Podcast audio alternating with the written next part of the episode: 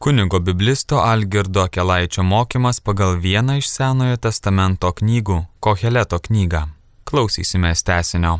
Mes vadinam šitos dalykus, taip filosofiškai sakom, tai yra egzistencinės patirtis. Žodžiu, tai yra tokie dalykai, kurių mes nevaldom ir jie mus ištinka apimdami visiškai. Tai prasme, mes negalim valingai sakyti, nu, vadžinai, dabar aš čia liūdėsiu, dabar aš čia džiaugsiu, čia dabar aš verksiu, čia dabar aš, žinai, mirsiu. Tai yra egzistencinės patirtis, jos mus ištinka. Viskas, ką mes galim, tai turbūt tik tai, nu, arba priimti, arba neikti tuos dalykus. Nu. Dar, ne? Žiūrėkite. Laikas raudoti ir laikas šokinėti. Jėzus beje apie tai kalba, ne? Sako, apie tos vaikus. Sako, mes jums grojame raudas ir jūs neraudojate, mes jums grojame giesmės ir jūs nešokote, ne? Va, šitą perskaitykite laikas išmesti akmenis ir laikas surinkti akmenis. Čia irgi labai įdomu. Ką reiškia tas akmenų mėtymas? Gali būti, kad čia iš tikrųjų yra iliuzija į, aliuzija į užmėtymą akmenim. Prasme, kad yra laikas įvykdyti bausmę. Ir kita vertus yra laikas surinkti akmenis. Tai man atrodo, jūs gal net ir patys esat matę, kad po šiai dienai pas juos yra paprotys likęs ant mirusio žmogaus palaidomo vietos dėti akmenis karalių laikotarpiu tai buvo iš tikrųjų didžiulis paprotys palė Jeruzalę, ten net išlikę tokie yra kalneliai, tokie, kurie dabar pakasa biški po žemėm, ten pasirodo, kad ten žiedais sudėti akmenys. Žodžiu, gali būti, kad tai vat, karališkos palaidojimo vietos ir tenai buvo paprotys nuo labai senų laikų ant tos palaidojimo vietos dėti akmenys. Žodžiu. Nu, kas dabar išlikė tokių paprastų, ten keli akmenukai būna padėti pas juos ant bet tai yra labai arhaiškas paprotys.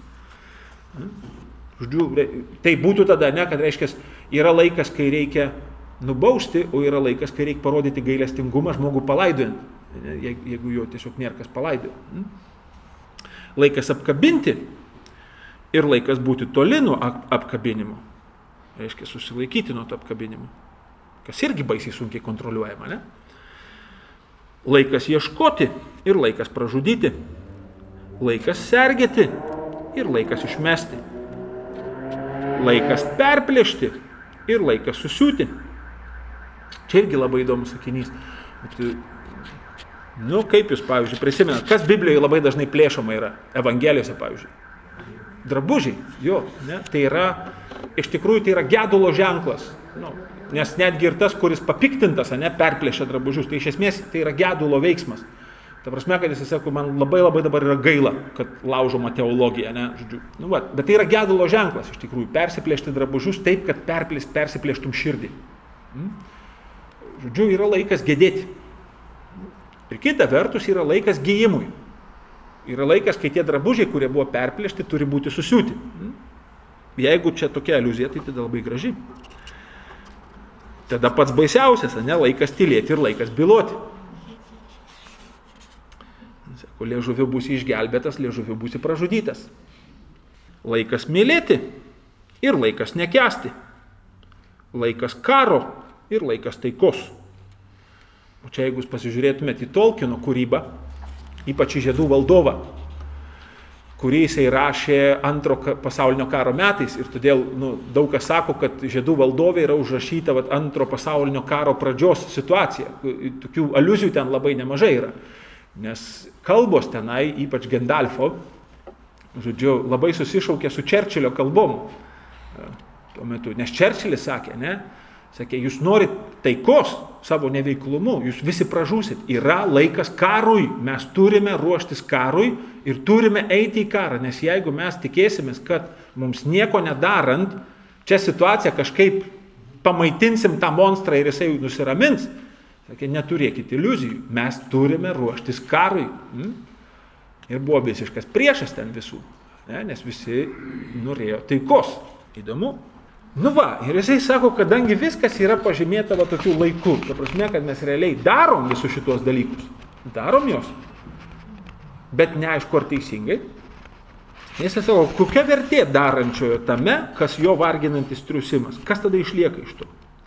Mačiau prievolę kurią davė Elohim sunums, va šito Adam, privalėti joje.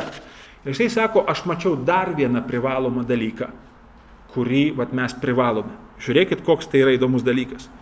Jis sako, visą padarė gražu, laiku jo. Kas yra ta prievolė? Jisai sako, šitam žmogui, kuris nesugeba net meto nuo laiko atskirti, Dievas davė dar vieną prievolę. Jis įdėjo jam į širdį amžinybę. Šitam aklam kačiukui, kuris nesugeba net atsiskirti, kurią valandą ką daryti, tu Dieve į širdį įrašiai amžinybę. Kur buvo tavo protas? Kodėl žmogus, kuris nesugeba netgi susiskaičiuoti va šito laiko, kuriame gyvena, kodėl jam įdėta va dar šita prievolė, šitas ilgesys, kad jis negali nustoti ilgėtis amžinybės? Gražu, ne? Tik skauda. Bet šiaip gražu visai. Be to, ko neranda Adam. Žodžiu, kad tu įdėjai į jo širdį amžinybę, o jis net nesupranta to dalyko, ne darimą, kurį daro Elohim nuo galvos iki pabaigos. Žodžiu, kad tu įdėjai žmogui į širdį tai, kas yra tikrai panašu, kad dieviška amžinybė, o žmogus net savo tikroviai nesugeba suvokti tavo veiksmų pradžios ir tavo veiksmų pabaigos. Jis nemato, kur tu Dieve pradėjai veikti ir kur tu baigiai veikti. Tu esi Bet tu, būdamas begalinis, visiškai pranokstantis mūsų kūrybą, tu mums esi nepažinus. Mes negalim bakstelėti pirštų ir sakyti, va čia Dievas. Ir tu šitam žmogui, tu jį pažymėjai amžinybės ženklų. Nu vat, ir čia užkėlęs vat, į tokį, vat, sakytume, tokią kulminaciją, Koheletas pagaliau pasako, kas yra gera. Žiūrėk, jisai sako, pažinau, kad nėra gera jiems, reiškia šitiems va, žmonėms, sunum žmogaus, kitaip, kaip tik jeigu džiaugtis ir daryti gerą gyvenime jau. Žodžiu, Koheletas sako, nepamirškit džiaugtis, nepamirškit džiaugtis. Užtenka Hevel aplinkui. Gana žinokit, nepamirškit džiaugtis. Nes netgi ir šitam Hevel sukūry mes galime džiaugtis. Jau vieną matėm džiaugsmą, ne? Koheletas sakė, daryti ir tai mums kelia džiaugsmą. Žodžiu, jeigu liksim gulėti lovui, sakydami, kad nesikelsiu, nes bus hevelė, ne, va, aš mėginsiu atsikelti ir staiga pargriūsiu. Ne, Koheletas sako, ne, tai irgi nėra gerai. Neveiklumas hevelio akivaizdoje nėra sprendimas. Daryti reikia. Iš to greičiausiai nebus nieko gero. Bet jau pats darimas yra gerai. Ir gali būti, kad tai netgi teiks tavo širdžiai džiaugsmą. Man atrodo, kad geresnio dalyko mes net negalim tikėtis. Pats Koheletas tai sako. Jis nesako apie kitą. Su kitu, tai matai, čia jau su kitu mes atsiriamėm į tą meto ir laiko problemą. Žiūrėkit, aš dar noriu Jums parodyti. Iš tikrųjų, Koheleto knygoje yra ar keturios ar penkios vietos, kur Koheletas vėl grįžta labai labai nuolankiai ir labai labai siaurai, kalbėdamas apie tai, kas yra pasaulė, Vis tik tai apie kai kuriuos dalykus jis nesako Hevel. Ir jisai netgi sako, kad tai yra gera. Pažiūrėkit, antram skyriui, 24 eilutė. Sako, nėra gera žmoguje tai, ką valgo ir geria. Žodžiu, Koheletas mėgina pasakyti, kad valgymas ir gerimas šiaip yra visai geri dalykai. Bet jisai sako, šitas gerumas, jisai ne iš žmogaus kyla. Tai, kad valgyti yra gerai ir gerti yra gerai, tai čia ne žmogaus yra sumanimas. Jisai sako, tai Elohim ir daro, kad matytų gyvasti jo gerą, varginančiame triuse jo. Va tai koheletui irgi yra gera. Ne tai, kad aš dabar kažką tai darysiu ir automatiškai tai bus gerai, kad aš darau. Ne, ne. Reikia dirbti su savo gyvastim. Aš darau kažką tai, ir kartu turiu darbuoti su savo gyvastim, daryti, kad mano gyvastis matytų tai, kas gera tame, ką darau. Nes tik dirbti aklai ir sakyti, kad va jau čia dabar tai bus gerai, nu tai irgi taip nevyksta. Nes savo darbuotę galima džiaugtis arba nesidžiaugti. Ir Koheletas sako, kad tai yra toks veiksmas, kad reikia savo gyvasti daryti, kad jinai džiaugtųsi. Daryti, kad jinai matytų gerą tame, ką darau. Ir žiūrėkit, taip pat šitai mačiau aš Visur kitur jisai sakydavo Hevel. O čia jisai sako, taip pat šitai mačiau aš, kad iš rankos Elohim šitai. Jisai sako, tai Dievo tvarka. Kad valgyti ir gerti yra gerai. Yra Dievo tvarka. Todėl jisai sako, valgyk ir gerk, nes tai šiaip yra gerai. Nepamiršk valgyti. Čia labai rimta, žinokit. Aš atsimenu, kai aš nuvažiavau į Romą studijuoti, mums ten toks dėstytojas, mūsų kankintojas, pirmo kurso, žodžiu. Nes mums ten pirmais metais tai buvo, mes mokėmės, matėm dvi knygas, vieną vienoje, kitą kitoje buvo žalia ir mėlyna, hebrajų ir graikų kalba, septynias dienas per savaitę. Tai mes atėjom pirmą paskaitą ir tas dėstytojas sako, aš jums pasakysiu, kaip būti gerai studentais. Gerai valgyk, gerai mėguk, biški melskis. Jis sako, tu išmoksi hebrajų kalbą. Nieko nesakė apie tai, kaip studijuoti. Svarbiausia, sakė, gerai valgyti. Tada gerai mėgot ir biški melktis reikia. Sakė, tu išmoksi hebrajų kalbą. Žodžiu, jeigu jūs atsakau, tai pamėgintumėte atidžiai perskaityti Koheleto knygą, tikrai vat, pamėgindami fiksuoti, vat, o kur jisai nepasako Hevel ir vat, kur jisai sako, kas yra tikrai gera. Tai jūs pamatytumėt, kad Koheleto tezė yra tokia labai paprasta. Jisai sako, gera yra valgyti ir gerti, bravo, Gera yra tai, kad mes galime daryti, jog mūsų gyvastis matytų, kas gera tame, ką mes darom. Ir tada dar jisai sako, kad biški pjauk dienas. Ta prasme, dienos yra tai, ką tu turi. Ir jis ten 12 skyrių labai gražiai sako, jaunystė yra hevel. Ta prasme, kad jaunystę mes labai dažnai žiūrim kaip į lūkesčio laiką. Mes kuriam planus. Ir jisai gali būti, kad Koheletas sako, nešvaistyk laiko projektuodamas ateitį, kas su tavim bus. Dabar gyvenk. Dabar gyvenk. Negaišk. Žodžiu, apie tą likimą, kad žmonių ir gyvulių likimas yra toksai pats, tai va čia va ta trečios skyriaus ištrauka. Tada va, žiūrėkit, kaip jisai kalba apie draugystę. Ne, va, čia ketvirtos skyriaus nuo septintos eilutės ir tolyn. Žiūrėkit, kaip jisai sako. Ir grįžau aš ir mačiau Hevel po saulę. Tai sako, mačiau dar vieną absurdą. Ir vienas, ir nėra antro. Žodžiu, kaip gražiai ir elegantiškai pasakyta, kad žmogus patiria vienišumą.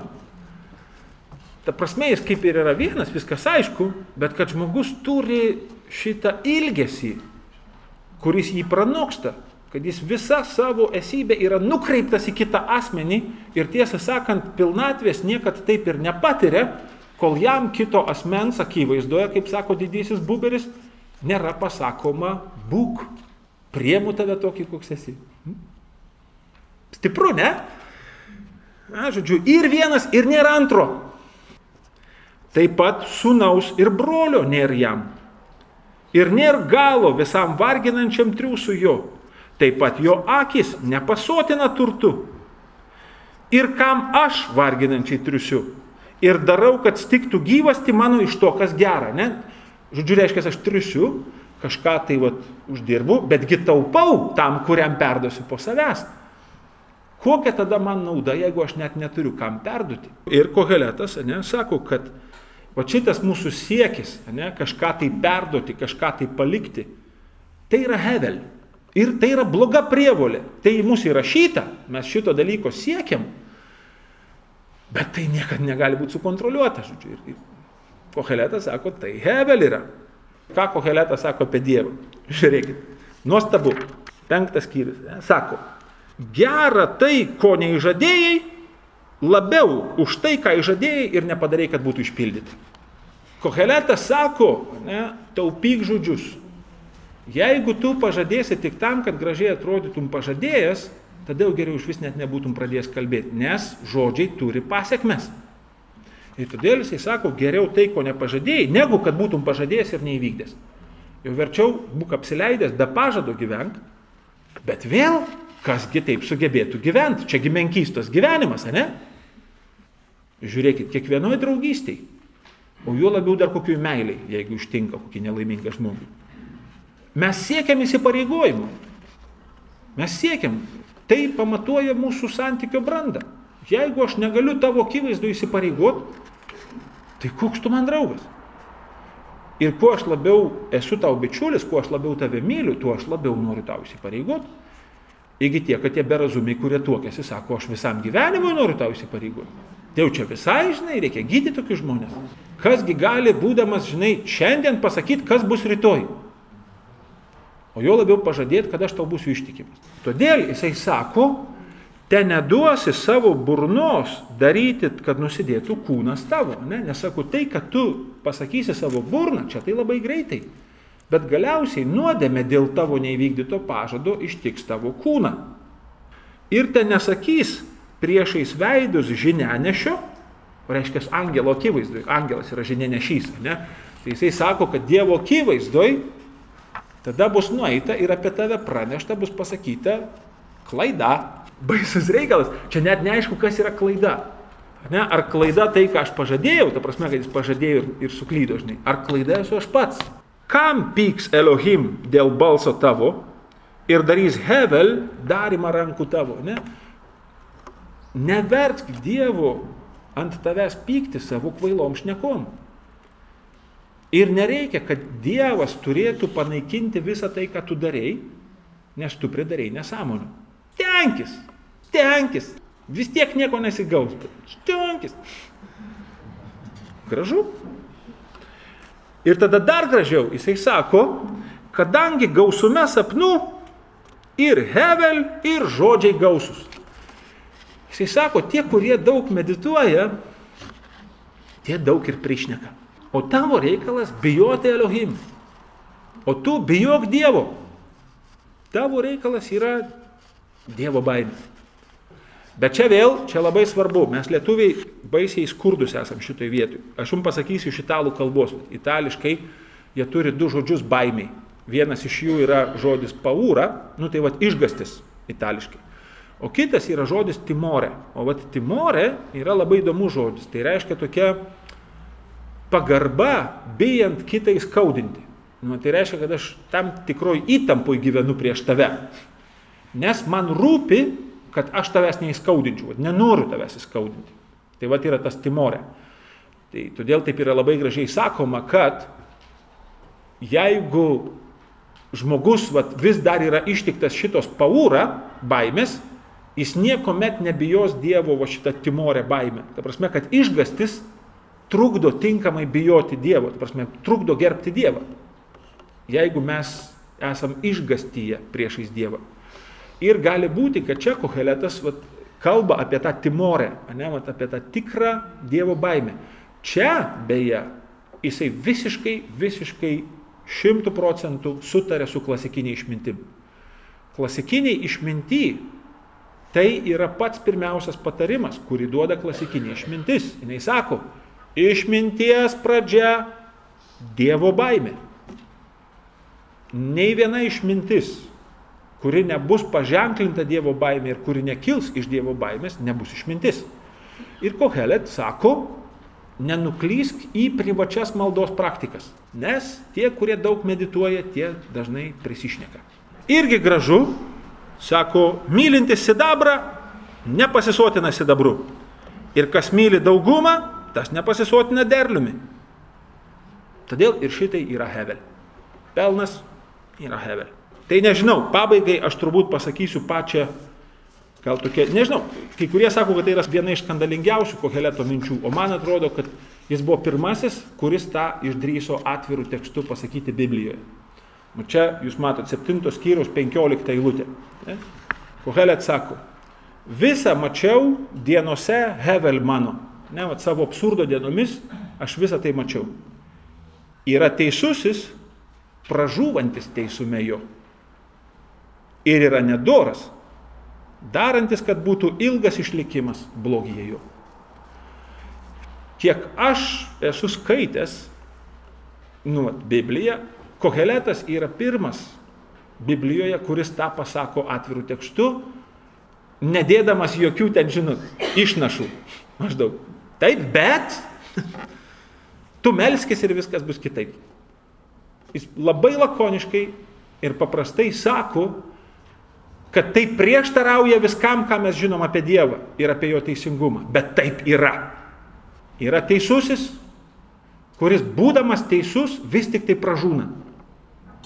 Ir mes to nesugebam paaiškinti. Yra nedorėlis, kuris taip ir lieka ištikimai nedorėlis, Ir jam sekasi, jis gerai gyvena. Tai čia gali būti, žinot, kad va, šitie du meistrai, šitie du grandai teologijos, va, išminties literatūroje, tiek Jobas, tiek Koheletas. Jobas, jisai savo knyga pamėgino pasakyti tokią labai rimtą tezę, kad kančios akivaizdoje yra klaida ieškoti kalto. Jeigu kančios akivaizdoje mėginsim pradėti kaltų, mes visuomet suklysim. Ir tada labai panašiai koheletas gali būti, kad jisai sako, jog yra klaidinga ieškoti prasmės toje tikrovėje, kuri pranoksta po saulę, kuriame mes gyvename. Jeigu mes ir esam pašaukti ieškoti, vat, nu, kodėl mes esam čia, mes to turim ieškoti čia ir dabar. Netidėliodami to maždaug klausimo tam, apie ką mes iš vis nežinom, ar tai bus. Abu šitie, jie yra nuolankieji teologai. Ta prasme, jie sako, kad mes kažko negalim pasakyti. Ir tai yra, man atrodo, labai labai gražu ir rimta. Tikrai žinokit, aš jums pasakysiu, Koheletas yra pagodos knyga. Ta prasme, kad jis biški nudrasko kai kurias dekoracijas ir mūsų įsivaizdavimus ir tada biški sopa, bet jis po to ištikimai pereina ir viską subintuoja. Ir man atrodo, tai yra labai gražu. Labai gražu, nes jisai kalba tikrai apie šitą tikrovę, kurioje mes esame. Koheletas šituo atžvilgiu yra labai labai patikimas. Kad jisai niekad nepradės mūsų maitinti cukrum, žodžiu, nu, maždaug, paguosiu tave, paguosiu. Ne, ne kaip yra, jis taip ir sako. Todėl jį skaitant galima beveik žinoti, kaip yra. Ir jeigu tai yra nemalonu, tai tada tai yra tikra. Nu, fainai. Čia kaip mes kartais sakom, nesakom, aš tavęs nuoširdžiai nekenčiu. Todėl gali manim pasitikėti. Tai yra baisiai įdomi knyga. Abu žodžiai svarbus. Pagal klasikinę išmintį, išminčius atpažįsta tvarką kuri dėsninga yra. O Koheletas sako, kad mūsų patirtis rodo, jog tikrovė nėra dėsninga. Matot kaip? Paprastai ir tas, kuris rašo, ir tie, kurie vėliau tikrina, nu, atsprendžia, ne, ar vis tik tai šita knyga yra patikima tikėjimo ugdymui, jie paprastai visi yra labai blaivų žmonės. Ta prasme, tokie dalykai niekuomet nedaromi streso būsenai. Ir tą sprendimą daro daug žmonių. Koheletas šiuo atveju yra dar ryškesnis pavyzdys, nes buvo suabejota dėl jo prieimimo į kanoną ir todėl mes galime būti tikri, kad jis skaitė žymiai daugiau teologų, negu kad šiaip įprastas knygas. Na, dabar prasme, kad jam teko dar įeiti pro ankštus vartus į biblinį kanoną. Ir todėl nu, viena vertus, aišku, mes galim sakyti, gal jisai sirgo kokią nors lygą. Bet šitas gal jisai galioja kiekvienam iš mūsų. Ta prasme, kad nei vieno iš mūsų sveiko nėra. Bet mes čia kalbam labiau apie teologiją. Kokia yra teologinė žinia šitos knygos. Ir man atrodo, kad mums krikščionims yra ypatingai svarbu skaityti šitą knygą taip, kaip jinai yra parašyta. Nes tada mes galim, tiesą sakant, galbūt netgi išdrasėti iki to, kad pasakytumėm, jog ir Kristus, Kristaus įvykis yra pažymėtas Hevel ženklu. Ta prasme, kad jis pas savuosius atėjo ir savieji jį atmetė. Ir mums šitas atmetimas, dėl kurio mes čia visi turėtume būti pražuvę, tai mums tapo išgelbėjimu. Ir kad mes čia sakytumėm, kad mes kažkokiu būdu nusipelnėm šito dalyko, ar čia maždaug, kad Dievas iš anksto buvo paruošęs šitą reikalą, čia taip toliau, taip toliau. Nu tai čia Paulius mus taip godžia, kad jis iš anksto yra numatęs tuos, kad mes būtumėm paskirti išgelbėjimui. Tai čia yra tokia biški savipagoda. Bet iš tikrųjų ta tikrovė, prieš kurią Koheletas ryžosi atsistoti kaip prieš alsuojančią bedugnę atsistoti Dievo slėpinio akivaizdu, išdrysdamas pasakyti, Dieve, tu tiesą sakant, mums esi nepažinus. Ir visa tai, ką mes apie tave kalbam, labai dažnai yra mūsų kūno, mūsų savybių, mūsų kažkokiu tai kategorijų mėginimas tau priklyjuoti, pridengti tą alsuojančią bedugnę nuo savęs, tokiu atvaizdu kažkokiu tai. Nors tu ir draudėjai aiškiai šitą dalyką daryti. Bet mes vis tiek tai darome, nes mums žiauriai nepatogu ir ten baisus kersveis. Koheletas jis yra be galo drasus šiuo atžvilgiu. Ir nu žinot, kaip su tais drąsiais žmonėmis yra. Tik pabandyk su jais kur nors išeiti. Iškart pasijusiu, kad nuogas. Dėl to žodino koheleto. Koheleto žodynas, tiesą sakant, yra labai išpuoselėtas. Ir ten tie žodžių pasikartojimo skaičiai toj knygui yra ypatingai svarbus žodžiu. Ir man atrodo, kad žodis gera nenusileidžia absurdui. Bet matot, bet čia labai svarbu žiūrėti išsireiškimus. Nes pavyzdžiui, koheleto yra tokie tikrai išsireiškimai, tiesiog kaip frazės, kurie veikia kaip techniniai tokie terminai. Pavyzdžiui, jis sako, nėra gera labiau už, ta prasme, jis kaip ir sako, nėra gera, bet iš tikrųjų staiga tu supranti, kad jisai sako, nėra geriau negu, ir vat, ne, sako, valgyti, gerti ir daryti savo gyvastį, kad matytų gerą. Ne? Arba sako, yra sakoma, kad tai gera ir tada jisai bum, bum, bum, bum. Ir sako, dabar pats pasižiūrėk, ar tai gera. Tai va, aš nesu tikrinęs, tiesą sakant, bet aš garantuoju, kad mes irgi ten patikrinę kažką tai atrastumėm. Gaila, mes iš tikrųjų neturim jokios normalios knygos apie lietuviškai, ta prasme, koheleto kokio nors komentaro, bet tokio, nu žinot, tokio komentaro nu, nepigaus. Koheletas teologų tarpe tai yra toksai, žinot, ten jau yra aukščiausios lygos turnyras. Kad imtųsi koks nors teologas rašyti apie Koheleto knygą komentarą arba imtųsi ją versti, tai ne, ne. Čia, žinot, čia vat, panašiai kaip su ta knyga, kai tu, pavyzdžiui, pasiemi skaityti knygą ir tu supranti, kad pasiemi per rimtą autorių. Nu, kad tu tiesiog nepatempi iki autoriaus.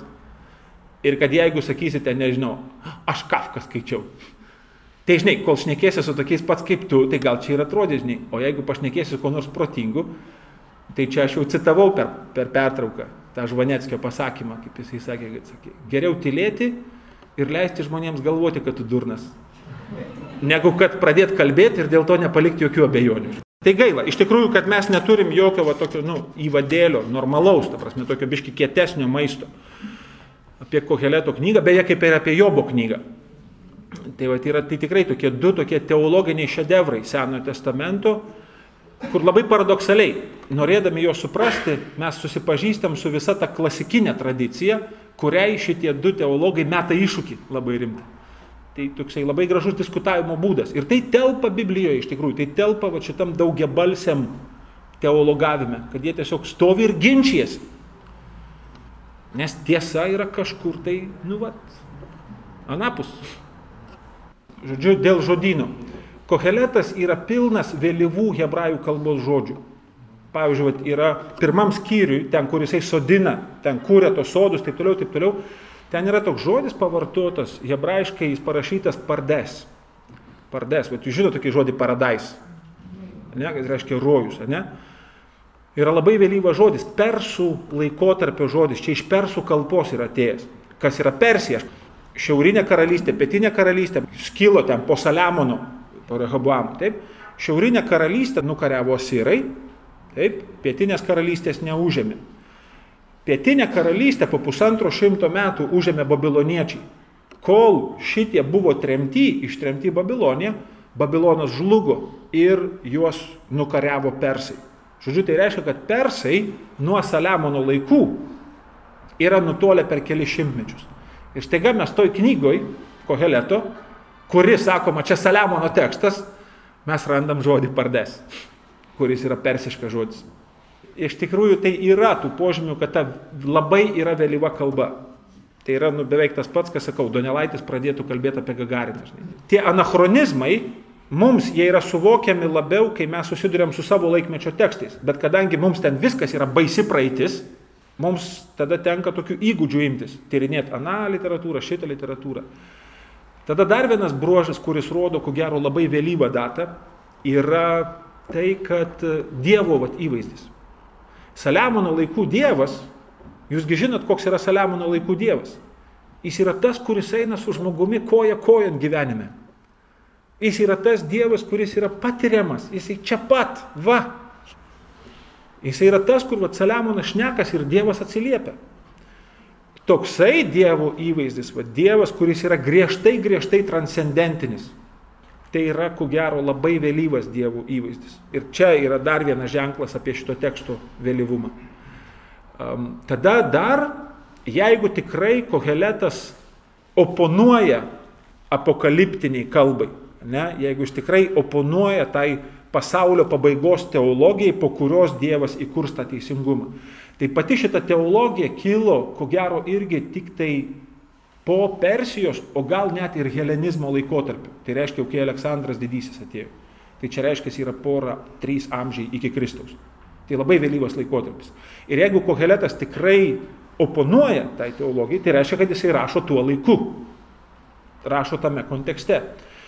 Ir, va, pavyzdžiui, tas dėstytojas, kur man dėstė Koheleto knygą, nu, va, jisai iš esmės labai pritarė tą idėją, kad va, Koheleto gimimo laikotarpis yra va, tas didžiulės slinkties laikas Izraelio istorijoje, kai jie kaip ir išsigelbėjo iš Persijos gniauštų, ta prasme, grįžo, atstatė šventyklą, pradeda formuotis judaizmas, kaip ir yra vilties, ir staiga užgriūna helenizmo monstras kuris braunasi net ir į tą patį Izraelį. Ta prasme, kad daugelis izraelitų išeina pasitikti helenizmo atvirom rankom ir sako, taip, čia yra tai. Ir Koheletas, ko gero, yra vienas iš tų teologų, kuris sako, ne, tai nėra tai. Bet jisai yra labai įdomioj situacijų. Čia va, aš galėčiau taip apie Mato Evangelijos krikščionis panašiai pasakyti. Mes taip sakom, kad Mato Evangelijos, va, ta bendruomenė, nu, va, kurio kilo Mato Evangelija, mes sakom, kad galbūt pradžia tos bendruomenės buvo atsivertę judėjai. Ir iš tikrųjų jų situacija buvo labai labai dramatiška. Todėl, kad jie, nusekdami paskui Kristų, tiesą sakant, atsiskyrė nuo savo tikėjimo bendrijos. Tarsi, kad žydų tarpė jie tapo nebepriimtini. Bet kita vertus, dėl to, kad jie buvo žydai, jie buvo nepriimtini ir pagoniškoji bažnyčiai. Žodžiu, kad jie realiai, nors ir buvo Kristaus mokiniai, jie buvo visiškai baltos varnos. Tai žinai, kad tai buvo labai tokia bendruomenė, kuri buvo visiškai dramoj tokioj. Nes jie nusekdami paskui Kristų galiausiai tapo atmestini visiems. Ir bažnyčiai, ir judaizmui. Ir vat, labai panašu, kad Koheletas jisai žengia tokiu pat keliu sakydamas, kad ne, helenizmas nėra išeitis, bet taip pat sakydamas, kad tas nostalgiškasis judaizmas, jis irgi nėra išeitis. Tai tas mano dėstytojas sakė, koheletas yra judėjiškas atsakymas į helenistinį klausimą. Aš pabandysiu paaiškinti, kas tai yra. Žodžiu, su helenizmu ateina labai labai rimtas svarstymas apie tai, kas daro žmogų laimingą. Kas daro žmogų laimingą.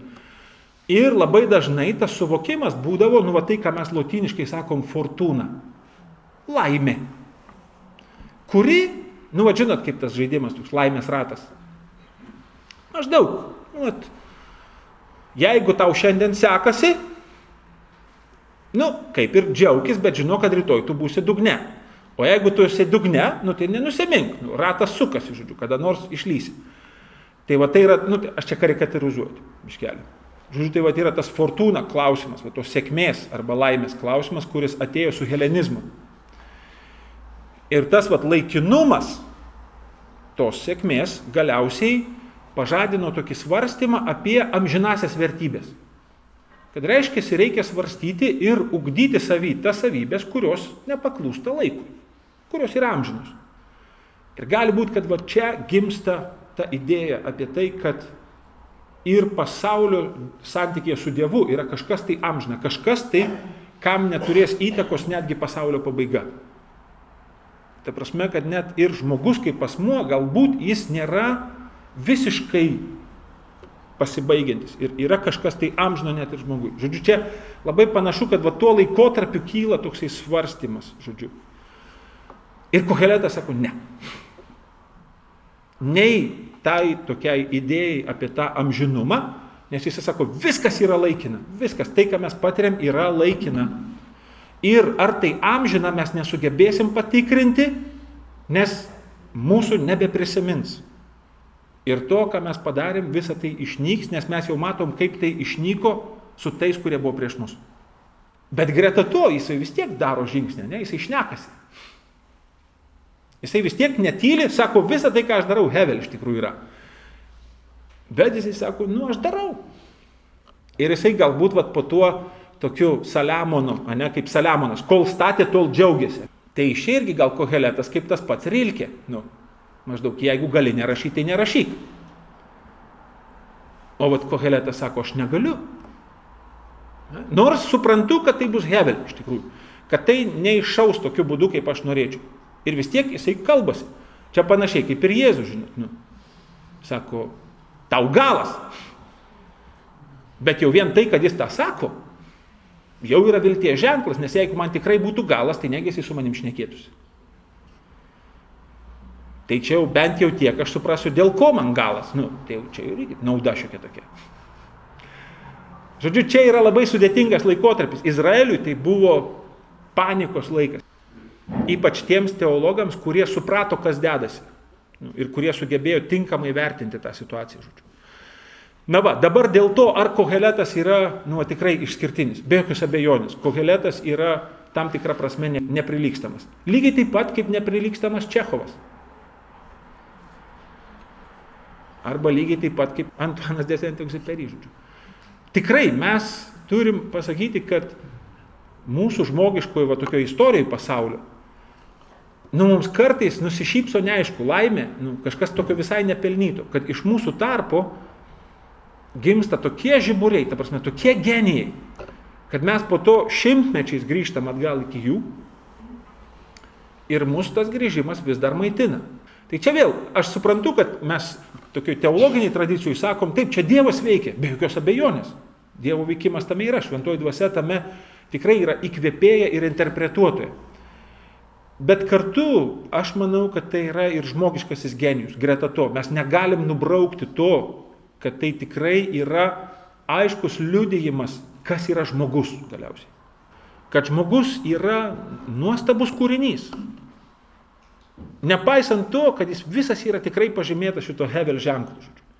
Kad jau pats koheleto buvimas ir va ta tradicija, kuri kažkodėl nebuvo užgniaušta, jinai buvo, nors aišku, kad ten visiems šonkaulius laužė tie žodžiai.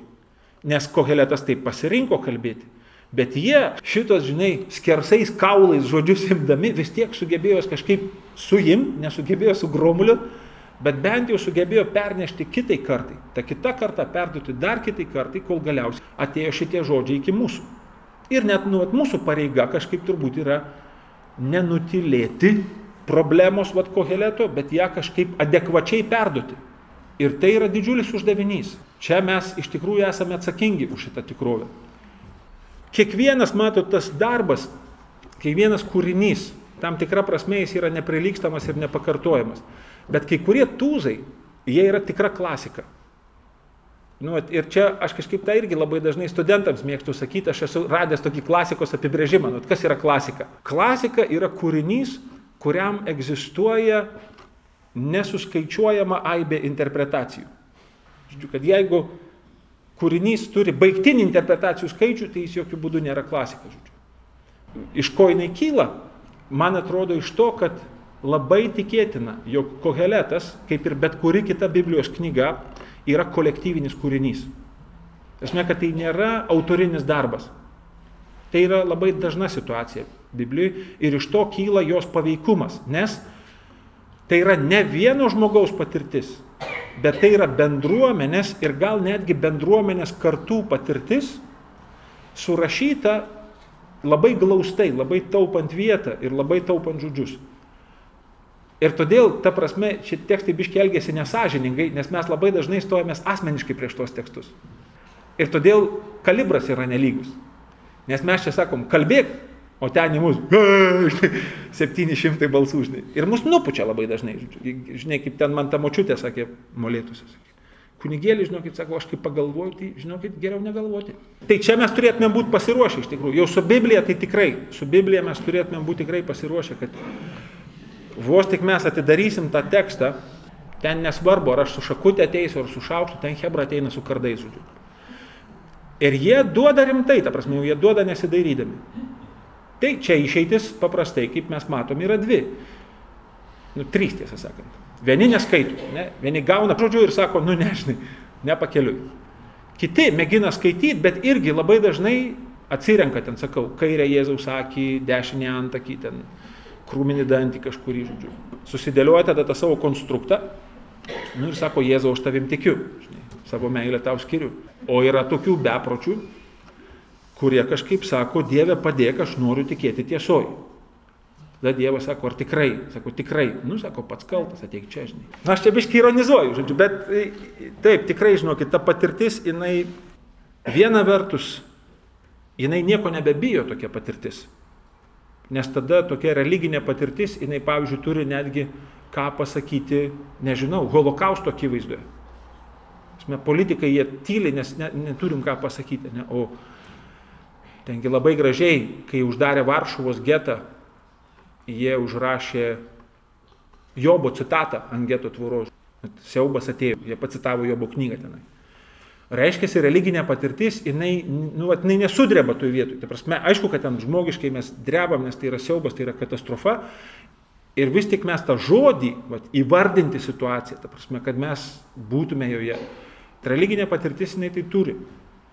Ir čia va šitas apreiškimas, kuo mes sugebame labiau jo neišnarstyti, bet jam nu, skausmingai atsiverti, tuo mes labiau tampam žemės druska. Nu, va, tikrai mes tada sugebam tas situacijas pasūdyti, o ne sprūkti iš jų uodegą pabrukę, nu, nes nemokam, ne, nežinom kaip susitvarkyti.